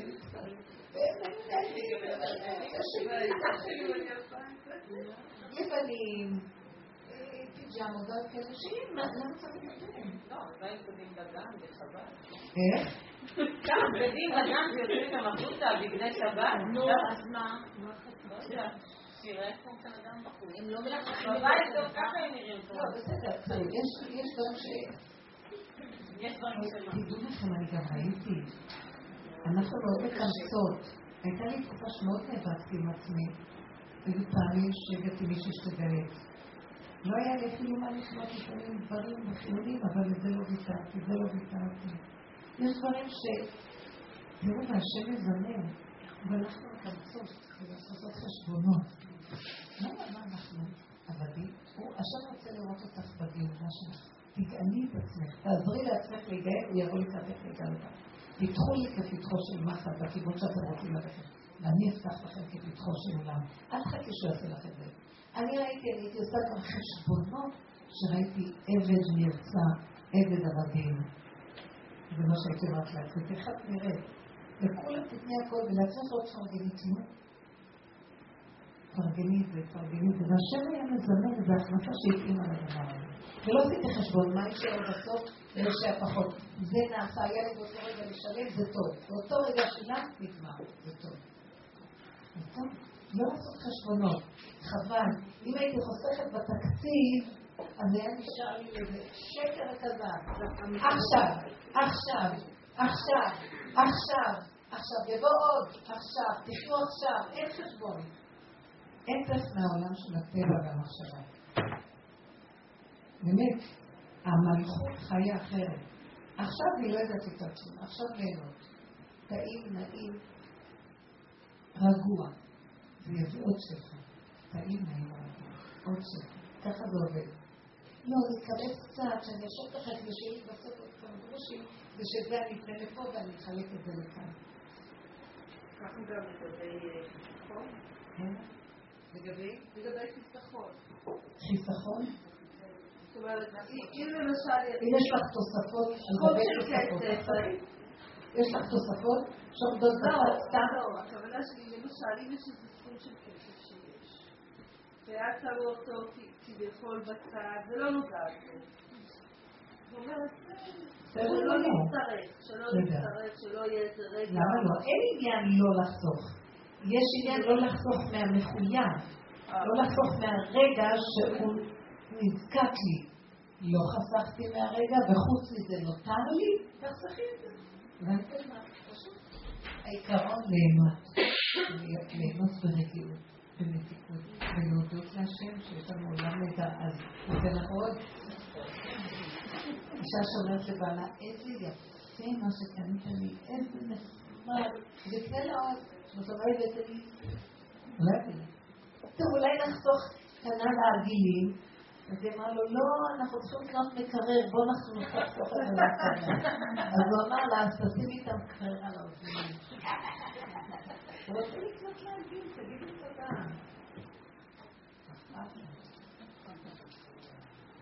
נהיינו קשות יום ומרות נפש, מה זה? שמעת? למה? למה זה? אה? למה לי ככה? כי לקחת ברצינות מדי את התפקיד הזה, תראי איך האמא היהודייה נראית.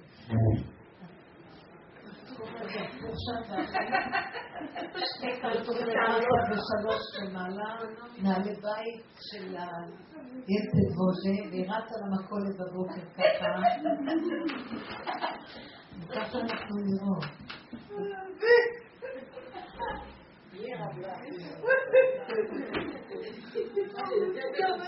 אני בהכל בשוק.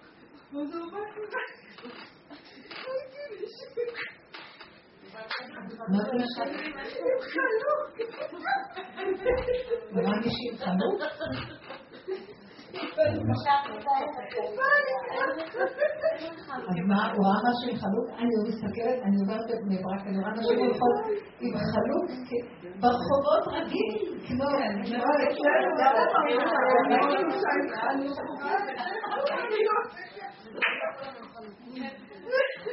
אולי זה.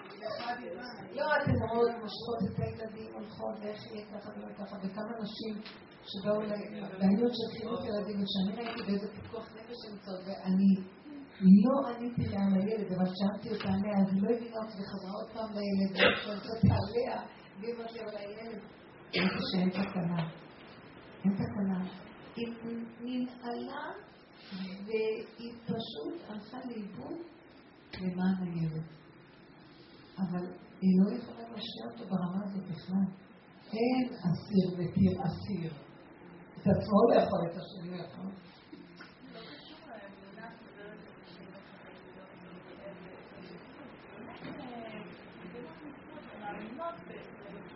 ועושות כל מה שצריך לעשות, ואת מתארת מצוקות מאוד קשות. כאילו, וגם אני רק חווה מצוקות מאוד קשות, ואני חושבת לשאול את עצמי, איפה זה קשור לה? אז אם אני אם אני מקיים מצוות, אולי, כאילו, איך זה מחבר אותי בכלל לסיפור הזה? ועכשיו דיברת על זה. מדי פעם מדברת על הקשר הזה, ובינתיים לא באמונתו יחיה. כשבן אדם חי מתוך אמונה שמה שהוא עושה זה הדבר הכי נכון, אז יש לו כוחות מזה, נכון? כשהבן אדם מאמין במה שהוא עושה, הנה, להבדיל, להבדיל, להבדיל, אלפי הבדלות, השהידים. תראי מה הם עושים. הם מאמינים כמו משוגעים בדבר, והם משתגעים ולפים על זה. אז להבדיל אלפי הבדלות, כשהבן אדם הוא נהנה והוא חי ידיעה שיש לו, אז הוא יכול לגשר הרבה בעיות. אבל אם המצוקות גדלות, והוא לא מצליח לגשר אותן, סימן שאמונתו כבר פסקה במה שהוא עושה. מבינה אני מתכוונת? כאילו נכנסו בקיאים. כי אם מה שהוא עושה, אם האמונה שלו הייתה חזקה, אז הוא לא היה משגיח על כלום. אבל אם הוא נראה קשה יום, ומה? אז משהו נפגם באותה רמה שהייתה קודם. אני צריך לשאול את עצמו, למה זה נפגם? הקשיים הם מתגברים, הקשיים הולכים ומתגברים. לא, לא שהאמונה צריכה להתגבר, צריך לבדוק. לא, צריך לבדוק אם האמונה פרנסה אותי עד עכשיו בכיוון הזה, ואחרי כמה מהתורה, מה שאת לא עושה עוד פעם, והקשיים מתגברים, ונהיה לחצים ומתחים ונהיה בלתי אפשרי, סימן שהאמונה צריכה לזוז למקום אחר. הערך צריך להשתנות. פשוט האמונה היא בסדר, אבל היא לא יושבת על המקום הנכון. אז במקום להאמין בכוחי ועוצם ידי לכבוד התורה, בואו ניקח את המקום הזה להידבק בהשם ונבוא אליו במקום שאנחנו לא יכולים יותר להאמין שאנחנו יכולים להיות במקומך. ובגלות עשינו את זה הרבה, כי הכל היה קטן ואפשר היה להתמודד. היום יש איזה שד ענקי שמבלבל את המוח של הבני אדם ביותר מדי, אז אנחנו צריכים, המטרה שהוא, הוא מסובב את זה, כדי שנגיד אנחנו לא יכולים להתמודד יותר ככה. רק את הכל יכול. תרחם עלינו, לא רוצים ללכת יותר ככה, להרפות. קודם לא החזיקו חזק, והכוח הזה, היה כוח להחזיק חזק. היום אי אפשר, אם ממשיכים להחזיק חזק זה נהיה שיגעון הכפייה. והבני אדם מציגים דברים הפוכים. אז הם צריכים לשאול שאלה, למה? אז הערך עובר למקום אחר. כבר נכנסים עוד פעם לשבת, והעבודה היא משתנה. אי אפשר בהסתרה כל כך גדולה לעבוד עם כפייתיות כל כך גדולה, להרפות. להרפות. לא להילחם בקירות. לא. לא בכוחנות, לא בכוח המרשות, כי הם ברוחים, ברכות. גם כשהלכו אז באמונה, הלכו איתה ברכות. היום אי אפשר בכוח. הבכוח הוא אף פעם לא היה מצב נכון. אז לכן היום העבודה של האמונה היא אחרת. אמונה נשית. האומנם היהודי נכנס עכשיו לפאזה בכלל העולם, הוא מתחיל תמיד מבחוץ, מהקליפה, אחר כך נכנס לפרי. העולם נכנס למצב הנקבי. המצב של הזכר הולך ונחלש. המצב של הכוחנות להשיג דבר, הכוח הוא כבר לא המקום בבריאה. הכוחנות, הכיבוש, אין דרכה של אישה לכבוש, דרכו של איש לכבוש. הכוח הזה הוא כבר מתחיל להשתחרר בבריאה. ונהיה מקום יותר של רכות. הכוח הנשי נכנס לבריאה. אז האמונה קודם הייתה בכוחי ועוצמתי של בוא נגיד, בעולם החילוני או העולם של הגויים. אז היה כוחנות להילחם. בעולם היהודי זה לעומת זה הכוח לשמר את מה שנתנו לנו וירד, ירד ובל יעבור לנקודה. זה הכוח הגדול. היום הכוח הוא נשי, רך. אין רצון למלחמות. אין גם נשים גברים. אנשים גם כבר נהיו גברים היום. אין כוח כבר לרוץ אחרי כיבוש של דבר. אין כוח להשתלט. המהלך הופך להיות יותר רך, אז האמונה הופכת למקום אחר, לא, לא בזכר, בנוקבה, מבינה? האמונה היא תמיד נשארת.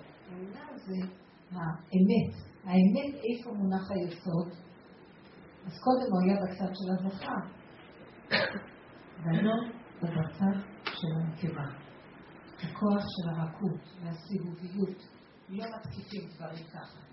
הולכים, עוקפים, עוקפים.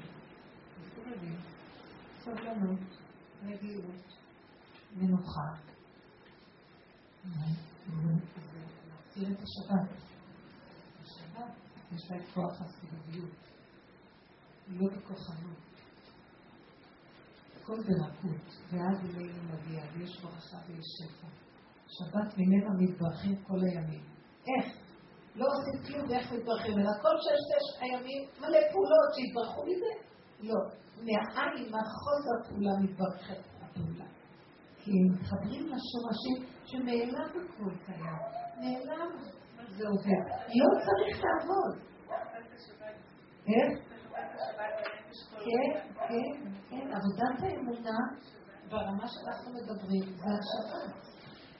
לתנאים, מן מלכי רבנן. התנאים נקראים, קראו לרבנים, לגדולי התורה, אלה שחיים עם האמת של התורה, קראו להם בחינה של שבת. מבינה? השבת. התנאים היו חיים יום השבת השבת.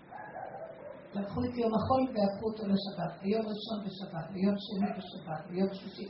שבת הזכירה כל זאת. והעבודה הזאת היא גם שבת. תרפו, תוותרו, תתכנסו פנימה. תחברו בנקודת הפנים, המערה, זה השבת. השבת היא מגינה ומצילה. היא ברית, ברית קודש. יש מי שמנהל אותה. יש מי שמשגיח. יש מי שפועל דרכנו. כי לא צריכה להשתגע. את פועלת, אבל מישהו מפעיל לך את הפעולה. ככה מהמוח עכשיו אני פועל, אני עושה, אני רץ, איך אני ארפה? מבינה? בדיוק הפוך, זה בא מלמטה. זה בחינה של צמח דוד על תחת עצמו. זה המקום שהקדוש ברוך הוא קורא לנו. די, אם אנחנו לא ניכנס למקום הזה, איך תבוא שבת ולא נהיה מוכנים. זו פסיכולוגיה שלמה שניכנס אליה עכשיו. תבוא, על מה אנחנו נהרגים? הילד קם, צועק, זה צורח, זה פשוט, למה? תצעקי להשם.